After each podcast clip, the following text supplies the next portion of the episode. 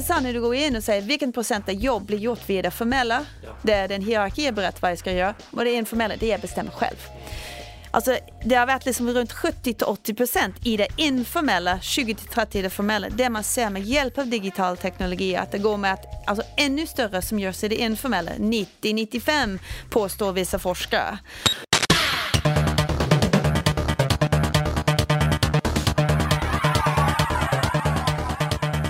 Välkommen till Livepodd med Kjellander och Björk, en podd där vi har samtal om framtiden. Vi är på Hotel at Six i Stockholm och vi är på Bisnode Unleashed, ett event där vi diskuterar nästa steg av vårt datadrivna samhälle och hur digitala innovationer formar vår ekonomi, vår livsstil, vår kultur, vår hälsa allt egentligen.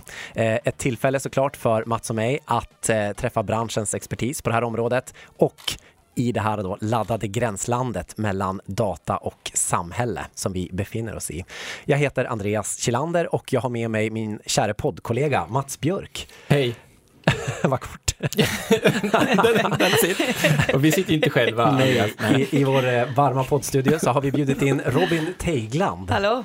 Välkommen. Kul Tack. att ha dig här. Tack, jättekul att vara här, verkligen. Du ska få en, vi, ska, vi ska beskriva vem du är för podden i fyra meningar. Och det är, ju- det är ju allt som behövs för att beskriva en människa, tänker jag. Okej. Eh, Nej, och, och innan det så tänkte jag också formulera ungefär vad jag hoppas att vi kommer att prata om. Okej, det Eh, låter så, bra. så samtalsområde tänker vi här nu, att ja, men, ja, men vi kan ju inte komma undan digitaliseringen. Nej. Den känns ju som en given. Mhm. Men också så här vad den ska skapa för värden och kanske ännu viktigare, vilket, vilken välfärd. Hur ska vi Mm. distribuera värdena? Där bara de jabbarna är stora nog för att täcka liksom Ja. ganska många Vi timmar. kan med sitta många timmar, ja. Mm. Men vi testar det och så sen så ser vi vart, Ja. vad som ramlar ut. Det låter det- superbra. Ja, kul. Grymt. Robin, du Ja. är, eh, säger jag då, du får stoppa mig nu om jag har gjort fel här i researchen. Du är eh, professor i strategi och digitalisering vid Chalmers, Stämmer det? ledamot i Kungliga Vetenskapsakademin. Stämmer det? Check på den. Det jag tyckte var spännande, för du har massa spännande saker här så vi ska inte gå igenom hela ditt CV. Men du är ju också chef för Ocean Data Factory Sweden, Det stämmer. Sveriges då första nationella havsdatalab. Den måste vi också hinna reagera och kommentera Ja. lite. Ja. Gärna det. Ja. Eh, Och, och, och massa annat spännande i bakgrunden. Den är, den är, eh, du har hunnit med mycket. Ja, en del. Ja. Ja, men det är så mycket där. Jag önskar det var fler timmar i dygn. Ja. Helt enkelt. Jag är också entreprenör kan jag säga. Startar flera företag, så det skulle jag gärna diskutera också. ja, men såklart. Och impact-entreprenör får man lägga till där också. Ja, Mm. precis. Och det är ju... Det brukar nästan vara så om man ser ett sånt här eh, energirikt CV. Då finns det där entreprenöriella i, i det liksom. Det sitter ju ihop på något Ja, sätt. ja. Jag tror det ligger någonting i det för att eh, alltså varje entreprenör egentligen man ser problem, man ser möjligheter och Mm. ser hur ska vi kunna lösa det så här. Så det är liksom entreprenöriella tänkande som Mm. jag tror är väldigt viktigt här. Inte liksom bara att vara entreprenör men det, alla kan ju vara entreprenör Mm. men på olika sätt. Så jag tror det som är viktigt att ta ut det är det entreprenöriella tänkande. Yes. Ja. Ser det mer som förmåga, en, en roll då liksom. Ja, Så, precis. Att se möjligheterna och säga här, hur ska vi lösa detta? Mm. Vi brukar avsluta med en klurig fråga. Och efter då har vi liksom hunnit umgåtts i podden innan och sådär och så sätter vi liksom dit gästen, Åh, typiskt då kul. på slutet. Men, men nu ska du få den först. Aha. Ja, det är första gången vi Okej. så, så ingen press nu då. bra. Ja, så vi vill se vad som kommer ut här. Ja. Jättebra, vad spännande. Så Robin, hur Yes. stor är digitaliseringen? Åh, ja, det var en stor fråga. Eh, hur stor är den? Alltså, man kan säga att egentligen om man tittar på eh, det som ekonomisk historiker diskuterar. Detta är ju bara ännu en del av en lång transformationsprocess av samhället. Där nya, nya teknologier har kommit och leder till olika industriella revolutioner. revolutioner. Så man kan säga att detta här med digitalisering, det är egentligen digital transformation av hur värde skapas, av samhället, hur vi försörjer oss själva. Så det är ju väldigt stort. Eh, vi ser det. Alltså, jag tror att man ska ifrågasätta vår grundåtagande runt samhället, runt hur, vad är ett företag, runt hur vi skapar värde och så vidare. För om man tittar tillbaka bara nu få hundra år, vi bodde ute på landet. Mm. Vi, vi hade små communities. Vi hade inte liksom ett, en chef, vi gick inte till jobbet. Allting var ju liksom genom, vad heter det, syltet eller vad det heter. Mm. Och nu idag med hjälp av dessa digitala teknologier, du kan verkligen undra vad är det för påverkan på samhället? Bara för att vi har haft urbanisering. Mm. Jag brukar provocera, för vem är det som säger att den trenden ska fortsätta? Absolut. Ja. Speciellt nu när vi ser detta med covid-19 mm. till exempel. Folk träcker sig tillbaka, man ser att villapriserna går upp, att det är många som flyttar ut från stora städer på grund av kriminalitet, på grund av den här, kanske det som känner sig lite för liksom, sträng på grund av mm. dessa här covid-19-reglerna och så vidare. Och nu vi, vi kan det så mm. kanske det blir ju då att folk säger okej okay, varför ska jag bo i en storstad? Jag kan mm. ju jag kan flytta ut på landet eller det är kanske där jobben kommer att finnas i framtiden. Så jag tror det är, det är, väldigt, det är en väldigt stor fråga. Så det är inte bara, liksom många pratar om digitalisering utifrån ett företagsperspektiv mm. där man liksom sätter igång en ny process, salsprocess eller en ny logistikprocess eller produktion och så vidare. Men egentligen detta är ju i, min, i mina ögon det är någonting mycket större som är digital transformation av samhället. Mm. Vi vi brukar leka med några olika, jättebra svar, snyggt där, well done. Ja. Eh, men, men, vi brukar... men du skulle ju sätta dit mig va? Ja, men jag tänkte att du, du som satte dit oss. Ja, ja precis. Nej, men så här, när vi har pratat om dem, som jag tycker du, nu, nu touchade vi väldigt många spännande områden. En är digitalisering som makrokraft bredvid urbanisering, globalisering, kanske klimat, och, mm. beroende på hur vi definierar makrokrafter. Yeah. En annan, det är så här, hänger den ihop med industrialiseringen? Är det en förlängning av den eller är det någonting helt nytt? Mm. Är den så där stor som, som industrialiseringen själv? Eh, agrikulturella yeah. fasen och så här, är, är det mm. den mm. storheten? Eh, liksom, och, den har vi inget svar på känner Nej, det har vi inget svar mm. på. Jag menar, det är ju också det där att man tänker på produktion, automatisering, globalisering. Mm. Det har ju underlättats av teknologier. Men ja. nu kommer vi in i en, en, helt annan grej där vi har artificiell intelligens. Mm. Där vi har det potential av singularity, där liksom den går yes. förbi oss som mm. människor. Där många säger år 2040, 2050. Jag tycker det är omöjligt att veta mm. om eller när det kommer hända. Så det är ju det som är att potentiellt är ju någonting helt nytt. Speciellt om man tänker på folk att de sätter chip i hjärnan mm. eller liksom vi kan, vad är vi som människor? Den etiska biten kommer in som vi egentligen inte haft så mycket förut. All den teknologin har varit utanför våra kroppar men nu pratar vi om att det kommer, liksom, kan komma in i våra kroppar och liksom hjälpa oss och guida oss på ett helt mm. annat sätt mm. än det vi har förut. Och man kan plocka upp en sån en ny maskin men den har inte förtalt oss hur vi skulle agera eller styrta oss, till exempel dessa algoritmer. Mm.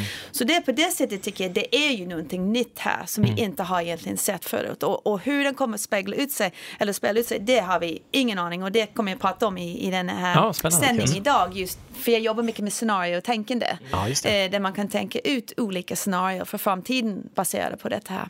Mm. Din, eh, jag tänker nyfikenheten, den verkligen ja. skiner igenom här. Jag tycker att, kan man inte ankra den här, liksom, att vi börjar lite grann i din, din forskning, ja, tänker jag också. Att, mm, vad, vad, är, vad är det du forskar kring? Ja, vad är det jag forskar kring? Jag är sån, skulle nästan sagt en sån konstig forskare. För jag, så jag är inför företagsekonomi, samhället. Men det är inte så att du kan placera mig inför entreprenörskap eller strategi eller innovation eller organisationsteori eller entreprenör. Alltså, jag är en sån blandning. Jag är, liksom, rör mig i denna gränslandet. Men jag tror det är viktigt och viktigt. Vi kan inte sätta oss i våra silorna. För då ser inte vi den eh, alltså, övergriplig bild av vad som händer i samhället. Så, men min forskning kan ju då egentligen, jag, under, alltså, jag är på på Chalmers och det är den division jag är i, entreprenörskap och strategi. Så det är någonting som är värdeskapande som verkligen driver mig. Och då tänker jag, vi är så vana liksom, i vanlig strategi, jag var professor på Handels innan och där är det väldigt mycket runt företagande och mm. företagandes värdeskapande. Men mm. du nämnde någonting tidigare där angående liksom välfärd och, mm. och det tycker jag att mycket värde kan ju skapas av samhället, av liksom crowdsourcing, mm. crowd, the wisdom of the crowds och så mm. vidare också. Och det var så vi skapade värde innan egentligen företagen kom industriell revolution. Absolut. Vi hade ju mm. små nätverk, vi hade ju community som mm. skapade värde och, och pengar har vi inte alltid haft heller. Så det, jag menar, det, är ju, det, så det jag forskar om då tillbaka till det är ju att jag är väldigt nyfiken på, hur, på nätverk. Mm. Vad är nätverk? Ja. Ja. Eh, den relation mellan olika nätverkskonstellationer, mm. både på liksom hur en individ placeras i ett nätverk, men också övergripande, hur ser ett nätverk ut? Den korrelation eller, eller liksom relation mellan den och någon form för utfall. Om det är mm. prestation, performance eller välfärd eller någonting sånt. och det är då som jag verkligen försöker att förstå är det så här hur olika resurser flödar igenom ett nätverk. Vad Mm. är det för resurser som flödar igenom? För det är där värdet skapas, i denna nätverkande. Mm. Det är inte en enstaka individ som sitter där borta eller som kommer upp med en fantastisk idé som driver det. Det är ju tillsammans med andra där man kopplar ihop olika resurser för att skapa någonting nytt. Och på det sättet driver du liksom fram eh, teknologi.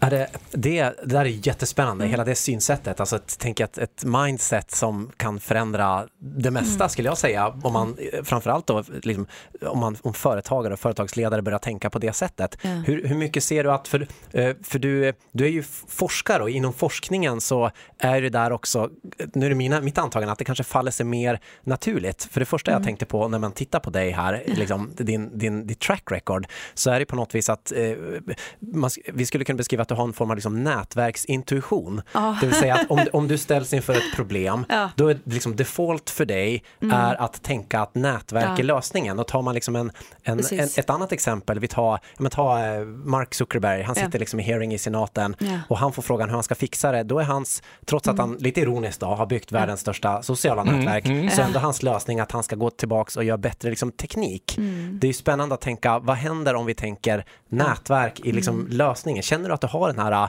nätverksintuitionen? Ja, det kanske ligger någonting i det. För det att, i min syn, det som jag försöker lära ut är väldigt mycket att man går från att vara en problemlösare, där jag sitter tillbaka och ska försöka komma upp med en lösning själv, till att vara en lösningsfinnare. Lösningen finns där ute. Kanske inte hos en person, men delar av lösningar. Så det handlar om liksom lätta ut i nätverket och koppla ihop olika delar till att skapa en lösning. För om jag ska sitta här och försöka lösa problemet helt själv, då kan världen springa förbi mig. Då kommer jag upp med en lösning som ingen vill ha längre.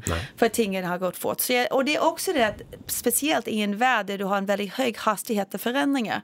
Du måste ha verkligen antenner utåt för att fånga in vad är det för förändringar som är på gång. Om jag stänger mig in i ett rum, jag ser inte dem. Och då kan man både komma ut, teknik kan kanske ha sprungit förbi, men normvärderingar kanske har sprungit förbi en annan konkurrent eller ett nätverk, ett ekosystem. Så jag tror det ligger någonting i det att det är ju, lösningen finns i nätverket. För det är också det här att alltså forskning visar gång på gång på gång att de som är ju mer framgångsrik, både på alltså individnivå, företagsnivå, nationsnivå, det är de som bygger broar mellan olika nätverk. Men det är ju svårt. För många av oss, alltså man brukar säga lika barn leker bäst. Mm. Vi tenderar Absolut. att nätverka med oss och lika oss själva. Det är bekvämt. Mm. Det är ingen som ifrågasätter vad gör du? Varför gör du det på det sättet? Men när man gör det, det samma kunskap går runt och runt och runt. Då kommer man ingen vidare heller. Du skapar sådana echo chambers. Så det är väldigt viktigt att man bygger broar till andra nätverk som inte är likt dig själv. Och då är gillar den här svenska, alltså lika barn leker bäst, men olika barn leker ännu bättre. Men det är svårt. Det är ingenting lätt med det. Så det är också, alltså, jag kräver att man har nya sätt att tänka runt Ja. samarbete också. Mm. Det finns en ocean med frågor och vi ska prata specifikt om ocean sen. Men eh, som, eh, nu ska vi se om jag kan landa det här. Eh, Som jag ville ha kvar nätverksdiskussionen, men jag vill ändå stoppa in en sån där liten större fråga som jag inte kommer kunna formulera på ett bra sätt, men vi får se om vi, Ja, test- vi får se. testar. Ja. Vi får se. Eh, Ett sätt att titta på industrialiseringen är det är det där ingenjörsmässiga som du Andreas pratade om. Med Zuckerbergs intuition, det är att han själv går hem till sitt team och försöker lösa det. Inte nätverk. Och du Robin tycker jag säger att vi är faktiskt nätverk från start. Mm. Eh, Så det, där har vi två hörn i frågan. Eh, ja. Den andra, den är, den är Kjellberg och eh, Morgonsång över Kalahari, alltså när man har betraktat hur människor sannolikt Alltså det, det, det, det, biologiska ekosystem som vi är sprungna ur eh, för 300-350 000, eh, you name, jag vet inte, någonstans där. Vad, vad var det för krafter som formade människor? Vilka egenskaper skapade de då? Ja, men clearly har vi ju nät- nätverksgrejen där. Mm. Empati scorar ganska högt. Det finns nästan inga lämningar från slag eller krig eller sådana saker. Så, och, och i det här Sen har vi ju haft en process då, 350 000 år. Vi har gått igenom agrikultur, domesticering av djur, industrialisering och så står vi här. Så kommer vi att designa ett samhälle som är mer anpassat för vår kunskap om psykologi och kognition mm. nu? Mm. Frågetecken. Nej, det är ju en jätteintressant fråga. Jag har inte svar på det, men man kan Attans. bara liksom, nej, tyvärr har jag inte det. Alltså man kan, det beror på hur vi som, som människor tillsammans vill lösa dessa problem vi står inför. Mm. På den ena sidan kan vi gå och liksom, alla liksom träcker sig tillbaka och stänger sig av mm. från andra, eller hur? Och så skapar, ja. detta är mitt. Mm. Alltså, eh, och, och, och stänger ner gränserna. Och vi ska bara se till att vår befolkning mår bra. Mm. Och skit i alla andra där ute. Det är ju en scenario. Och den andra är ju att nej, kanske vi, vi ser att vi måste lösa dessa utmaningar vi har när det mm. gäller liksom hållbarhet och så vidare. Och, och liksom migration och massor på ut, alltså utmaningar och global challenges som vi har. Mm. Då kanske vi måste, alltså folk kan då öppna upp och jobba och dela med sig kompetens och resurser. Mm. Det är två helt olika scenarier, eller hur? Ja, absolut. absolut. Och, och, det är det som är ju, på den ena sidan, vi vill skapa empati, vi vill skapa där psykologi kommer in, vi vill mm. göra att det är mer empati för folk runt oss och inte bara säga jag, jag, jag. Mm. Men det är ju det är så många andra krafter som är igång där också. Mm. Så jag, jag, tror att vi kan det, men vi måste aktivt jobba på det. det. Men utmaningen det är ju att teknologi går fortare än lagstiftningen mm. oftast. Mm. Och det är det som kan vara liksom en hinder. Mm. Jag tänker uppenbara, och du är inne på det själv, den uppenbara mm. fördelen med nätverken, eh, självklart då liksom värdegenereringen, hur vi skapar värde, men den motsatta strömmen i hur vi också liksom distribuerar värde och hur ja. vi distribuerar liksom välståndet tillbaka. Mm. Eh, där är liksom Jeff Bezos här, är det, yeah. tar han allt? Eh, mm. Alltså hur, hur ska vi, men jag tänker då om man kopplar till eh, liksom, mm, mm, mm. företagsvärlden och din liksom, handelsbakgrund här, ja, ja. referens tillbaks. Nej, men det är intressant. Om man mm, tänker då till exempel, kommer vi till en punkt där man som organisation kan säga kan liksom operera utan nätverk? Eh, och vad ligger i sådana fall efter? Nu, nu bara släpper vi fotfästet. Ja, det var ju... Det är bra, det är bra Andreas. Ja, bra. Det kommer du tillbaka till hur du definierar nätverk. Eh, tror jag. Alltså, jag tror att vi kommer förbi kanske formella nätverk. Mm. Eh, och mycket mer, vi går med åt det informella. Det är ganska intressant. Alltså, det är också detta med forskningen, det visar att liksom, oavsett genom tiden att när man tittar på jobb som görs i ett företag, då ställer man frågan hur mycket jobb görs via det formella nätverk? Det vill säga att du, eller den formella organisationen, du är min chef, du berättar för mig vem jag ska jobba med. Här är ditt team, du jobbar i det teamet och du sitter här och du har din plats i hierarki och så vidare. Det är det formella. Det informella är att liksom, ja, vi är kompisar, du och jag, Alexander Andreas, vi, har ju, vi känner varandra sedan länge tillbaka, vi pluggade ihop, men vi har ingen formell formell relation som chefen eller företaget satt för oss. Det är ganska intressant när du går in och säger vilken procent av jobb blir gjort via det formella, ja. där den hierarki är berättat vad jag ska göra, och det informella, det jag bestämmer själv. Mm. Alltså, det har varit liksom runt 70 80 procent i det informella, 20 30 i det formella. Det man ser med hjälp av digital teknologi, att det går med att alltså ännu större som görs i det informella. 90-95 påstår vissa forskare. Och, och mycket mindre med det formella. Så då kan man säga, jo kanske det kommer till en punkt där du inte har det formella nätverk. För du också har, som vi inte har diskuterat, detta med blockchain, mm. kryptovaluta, decentraliserade autonoma organisationer, DAOs som de heter. Där du har ju ett decentraliserat nätverk som är programmerat som kan då agerar av sig själv utan att du har en sån formell hierarki som bestämmer över det. Så det finns ju möjligheter att uttäcka andra form, organisationsformer. Hur de kommer att vara. Behövs Facebook? Nej. Varför då? Behövs Airbnb? Nej. Varför då? Vi har ju andra decentraliserade nätverk mm. som skapas av andra communities. Som har ju då kanske sin egen valuta, pratar om välfärd och sånt. Så det är, vi har inte alltid haft the dollar, eller nej, hur? Nej, alltså det är ju också det där liksom, det är ju, men vi sitter, många av oss sitter fast i, men så är här. Men det har bara mm. varit så, hur länge har vi haft multinationella företag? Det är, det är ju inte... Det är inte länge. Nej, alltså, man kan säga att Sverige har alltid varit någon av de första ute, mm. tycker jag, i många av dessa olika nya alltså, fenomen. Så till exempel multinationella, du har liksom SEB, alltså enskilda som mm. kom då, du hade den tidigare, så det som blev Atlas Copco, du har mm. Ericsson, 1870. Det är liksom ja. B2B, 1870. 1870. Ja. Och så, men tänk Ikea, H&M, ja. alltså B2C, business to consumer, ja. när kom de? Det är bara liksom efter andra världskrig. Mm. Men vi tar för givet, ja men det är sånt det skapas. Men, men vem är det som har sagt det?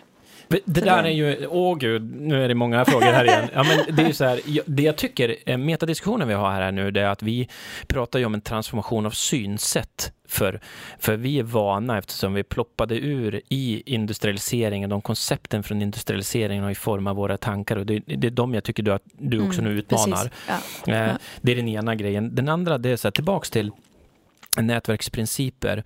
Eh, eh, en, en, och du tar blockkedjor som ett exempel.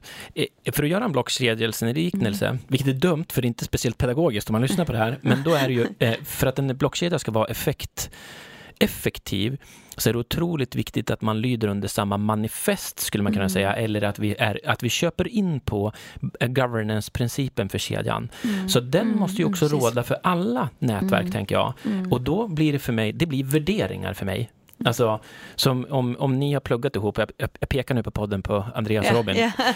Någonstans har ni mötts i mm, värderingar och synsätt. Mm, mm. Det blir mm. governance-strukturen för blockkedjan som ni ingår i, eller det, yeah. det distribuerade nätverk. Så den är ju faktiskt intressant att rikta lampan på och förstå. Mm, precis. För, för då kan vi ju då helt plötsligt enas 100 procent under en sån, ett sånt manifest, mm. eh, en, en, en sån, eh, och verka tillsammans. Mm -hmm. Fast vi har inte den här gamla företagskonstruktionen, eh, mm. bilden ja. som har varit så effektiv under mm. industrialiseringen. Mm. Är det mm. dit Precis. vi Se, kan, kanske det. Ja. Alltså, du kan säga att det kan, du ser ju alltså, det man pratar om signals from the periphery, alltså signaler mm. från perifer som mm. kan liksom ge en viss liksom, aning om åt vilket håll vi ska när det mm. gäller framtiden. Och du har haft några av dessa decentraliserade, alltså autonoma organisationer, men mm. alltid den första ute, det blir ju olika problem.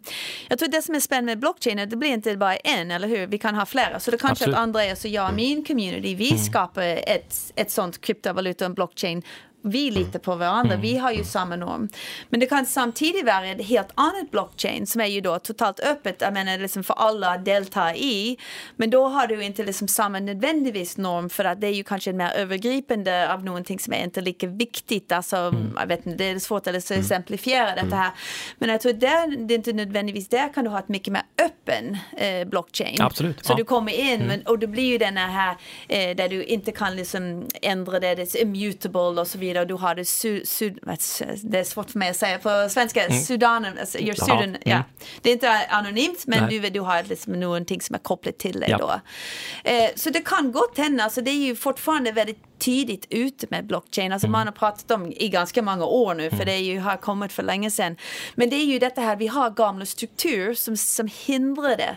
Men det man ser att en del, det är en ny uppstart som kommer. Vi har också IoT och 5G som kommer som kan underlätta det på ett annat sätt också. Mm. Så det, är ju, det, det, det, tar ju tid för ting liksom sätter sig och, och, och, det är det man vet aldrig hur snabbt det kan gå med den teknologi. Det är också Nej. jättesvårt. Jag, menar, jag jobbade mycket med virtuella världar, Second Life, jag drev ö för Handelshögskolan mm. i Second Life. Jag hade, körde undervisningar och vi hade presentationer där. Mina studenter jobbade med entreprenörer i Second Life. Vi hade projektmöte på ett stort internationellt projekt. Och detta är jätte, tio år sedan. Mm. Och tänk liksom alla, oh, Second Life och virtuella världar, vi kommer göra allting mm. där och se vad vi är idag. Mm. Alltså det är det som är så svårt att liksom säga om hur det kommer tillbaka till detta med värderingar, norm, samhället, hur vi tar till oss det så här, hur vi använder den teknologin. Och det är där det kommer ut det svåra. Mm. Uh, för en viss gäng kanske säger jo detta är ju helt fantastiskt, vi använder det. Men resten där ute kanske säger nej, detta, vi struntar mm. i detta här. Och det är det som är utmaningen. Mm. Mm. Att tänka ut framtiden. Mm. ja, vi, håller, vi håller med. vi behövde starta en podd för att ja, få ja, hjälp med det. Ja, ja, ja, men det är jättebra. Havet? Frågetecken. Ja, havet, där kommer den ja. Från blockchain till havet. men det är okej, okay, för jag har ju någonting där. Havet, alltså, eh, ja, vad ska man börja där? Jag, blev, jag började surfa, vågsurfa för några år sedan. Och um, du nämnde någonting om nyfikenhet. Jag tror det är extremt viktigt. Man måste vara nyfiken. Om man inte är nyfiken, alltså, då, då slutar man att lära. Eh, men när jag var ute och surfade så var jag i många sådana, sådana coastal communities. Alltså där turism har verkligen blivit stort. Det är det enda sättet vi kan leva på många av dessa ställen. Ja. Och jag började verkligen undra vad hände med digitalisering och dessa här alltså communi coastal communities, kyst, eh, liksom samhället. Vad hände med dem? När vi har så många resurser och teknologi som hamnar i städerna.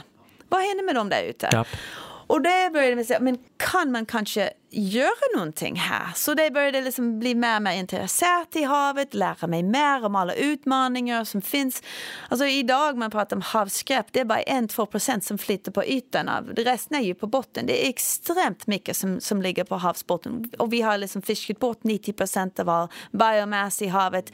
Vi dumpar våra båtar där ute. Vi har inget sätt att återvinna båtar och så vidare. Så jag blev väldigt nyfiken i det och så har jag börjat ett projekt i Portugal och startat ett företag, en sån blå cirkulär ekonomi-projekt där, Ja. där vi jobbar med hur kan vi återvinna plasten från havet in till någonting som skapar värde för det lokala samhället. Där blockchain ingår. Right. Så, Spännande. ja, så det kallas för Peniche Ocean Watch och så vidare. Så, det, så där jag startade. Och så eh, kom en, en call, en utlysning från Vinnova för Data Labs. Och Sverige, vi har, vi har en av de längsta kustlinjer. Men vi, vi är liksom, resurserna går med på det som är land.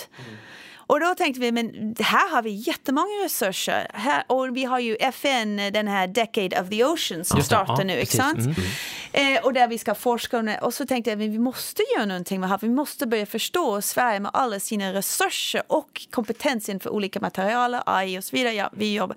Så då skrev jag, blev kontaktad av eh, Torsten Linders från GU, Göteborgs universitet, Mm. som satt ihop den utlysningen och sa, ja nu får vi göra det. Så vi, gjorde, vi skrev den. Så vi blev finansierade av Vinnova för Data Labs. Så det vi gör är att vi applicerar artificiell intelligens på havsdata. Men det är jättesvårt.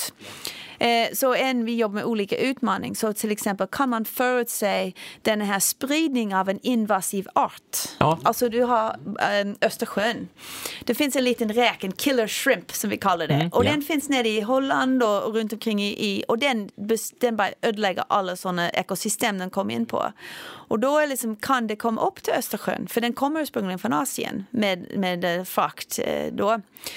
Och då kan man liksom förutse med hjälp av havsdata och artificiell intelligens, machine learning, kan vi faktiskt se vad eventuellt den här kommer att vara. Så det är det vi har gjort. Det är en utmaning. Och just nu en annan utmaning, um, algeblom, alltså detta med havsalger, Ja. den blomstrar. Och den kan vara eh, toxic, alltså den, din hund kan dö av det, men också kan vara nuisance. Det var några um, surfare som dog i Holland i somras, fem stycken som var ute första dagen efter covid-19, liksom begränsningen blev lyftet. Och de var erfarna, eh, alltså open water swimmers, eh, surfledare och så vidare. Och de dog för att det kom jättemycket algeblom som hade blomstrat. Det var inte toxic, men de kunde inte komma ut av det. Det är eh, att bada i, i, vad Alltså, heter det, skum. Ja, precis. Rent fysiskt Ja. så, så Ja, det gick det. Ja. inte. Mm. Så, Shit, det är ju, så ja. vi försöker att förutse när ska, i- under vilken liksom conditions kommer detta att kunna ske. För att man, ju mer, alltså lax blir ju dräpt i dessa här olika akvakultur, dessa farms som man har i Norge. Mussel också blir dräpt. Så du måste liksom lära när kommer det. Och då kan man inte liksom skörda innan det kommer och så vidare. Så det är någonting vi jobbar med. Så det är massa utmaningar där. Så om det är någon som vill jobba med Ocean Data Factory, och det är bara att höra av sig. Vi har ju en hemsida, ocean, oceandatafactory.se. Ni opererar enligt nätverksprincipen. Ja, men jag det- försöker, jag försöker. Men ja, en, en kort eh, eh, så här, kommentar på den då. Mm. Eh, Ska, du ska få chansen att, att gå vidare och du ska snart upp på scen och du ska käka lite lunch och så. Ja. Men då är det så här, för nu pratar ju du om någonting som i grund och botten är en väldigt komplex fråga. Mm. Eh, du pratar om eh, egentligen biologiska ekosystem, hur de hänger ihop. Men k- känner inte du, det är lite menande, att Mm. Ja. Vi kan ha det samtalet nu 2020? Alltså att vi Mm. börjar bli bekanta med Ja. komplexiteter. Det är inte bara smartingarna nödvändigtvis Nej. som pratar om dem. Ja, det Eh, håller jag med om. ja. Jag tycker att världen har ju blivit mycket mer komplex. Ju Mm. mer uppkopplat man blir, ju mer man liksom interagerar på olika nivåer. Mm. Och vi har den här helt digital, alltså som är på toppen. Jag kommer att prata om detta med PESTEL, den Mm. här exakt ramverk med akronym Political, Economic, Social, Ja. Technological, Environmental, Legal. All dessa olika trender påverkar framtiden. Mm. Och där ser man osäkerhet i alla dessa här ökt Mm. ordentligt i det sistone. Och då blir det mer komplext. Och jag tror att vi har blivit mycket mer bekant. Men det också, det är ju, alltså, vi måste ju lyfta oss också. Vi kan inte bara prata om våra små grejer för annars så löser vi ingen utmaningar. Nej.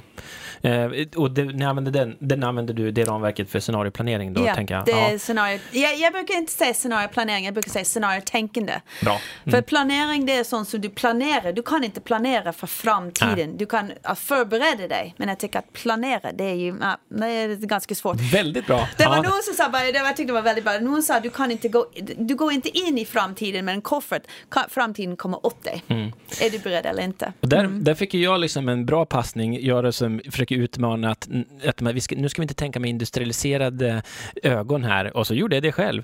Eh, så här, för man kan planera, man vill planera för då är det förutsägbart och det, det, är- that's not how it works. Nej, liksom. nej. Precis tvärtom. Nej, nej. Man kan Precis. göra sig redo för förändring. Eh, Snyggt! Vi, vi, har ju, vi har ju liksom förverkat vår avslutningsfråga, men jag satt och funderade här eh, och eftersom vi är då en framtidspodd så jag testar Ja. bara någonting nytt här Ja. Mats. Så jag tänker att utifrån det vi har pratat om här, och nu vill jag ha liksom ett årtal. Mm. När är liksom, när är Ja. sams, eller ett årtionde då, Ja. eh, när är liksom, när är samspel liksom vårt operativsystem om man jämför med att det kanske nu då skulle vara ett form av nollsummespel. Alltså det är någon som sa the future is already here, it's just unevenly distributed. Jag skulle sagt det finns redan idag, Ja. det är bara under ytan. Jag menar, titta på blockchain och varifrån den kom. Det, var ju, det är en nätverksorganisation. Eh, så det finns redan. Eh, men när det blir liksom kanske the, the norm, det är ju det är svårt att säga. Och det är ju detta här, alltså man pratar om complexity och dynamism. Dynamism också, man, man pratar om osäkerhet. Du kan prata om två olika, den ena komplexitet, den andra dynamism, alltså speed of change och Ja. så vidare. Och det är ju därför det är väldigt svårt att säga. Du kan kanske ha en, en komplexitet som är ju inte är ju så högt, kanske lågt, men du har en hög dynamism. Alltså det är ju jättes... Ja. Ja. Men om de två kommer samman, då kan det gå väldigt fort potentiellt. Eh, men ja, nej, ja, det tycker jag är jättesvårt att sätta ett årtal på. Men jag skulle sagt, det finns ju redan. Jag, jag svarar Spännande, jag ja. Eh, 2035, Jag ska, då, då kom, 20, 29, 2029 ska jag Ja, säga. det, du är optimistisk. Ja. Så, vi, eh, så vi står ju på peak of Mount Stupid när det kommer till de här frågorna. så då kan vi ju väldigt, väldigt klart eh, säga så här. Ja. Ja, intressant. Nej, jag tror det blir lite senare. Jag tror att det finns fortfarande för massa krafter mot det.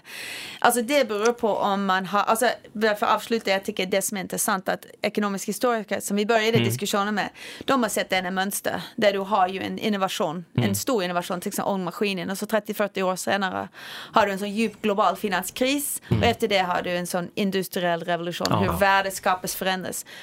Och innan det är det ju ett sån uppsamling av wealth bland några få. Och då har det liksom kommit en krig tyvärr. och det är det som har gjort att liksom allting har börjat om från början. Så man vill helst inte gå dit, Nej. eller hur? Nej, ingen Men, revolution. men Nej. däremot jag tror att ordet krig kan förändras. Cybersecurity. Vi, vi, vi krigar på ett annat sätt. Och det är det som jag tror att också kan påverka verkligen hur snabbt eller mindre snabbt den här förändringen kan gå. Eh, den här där allting liksom på något sätt bryts ned och så måste byggas upp igen. Mm, Så då gärna inte kriga i de här nätverken som Nej, är inte så nej, nej, det är, Och det, men det ju, finns ju Ja. otroligt många stora dark network där ute. verkligen. Robin, vi ska ju kunna fortsätta. Ja, det kunde vi. Det var jätteintressant. ja, Tack så jättemycket. tack för att du gästade podden. Och stort tack till Superbra. er som har lyssnat så här långt. Eh, Vi, Tack. vi länkar in Robin och hennes, eh, hennes fynd, material och engagemang in i show notes såklart så Ja. att man kan hänga på Ja, dig om, eh, liksom i dina engagemang. Kul. Och Ocean, Ocean Data Factory Ja, Sweden. Där. Open East Ocean Watch. Så- och vi hoppas ju naturligtvis att vi kör, vi, vi kommer tillbaka och ser om vi hade rätt om, om ett litet tag, Ja. liksom i våra olika engagemang här. Jättebra. Ja. Kanon. Snyggt, Tack. tack. Tack så jättemycket. Tack. Hej.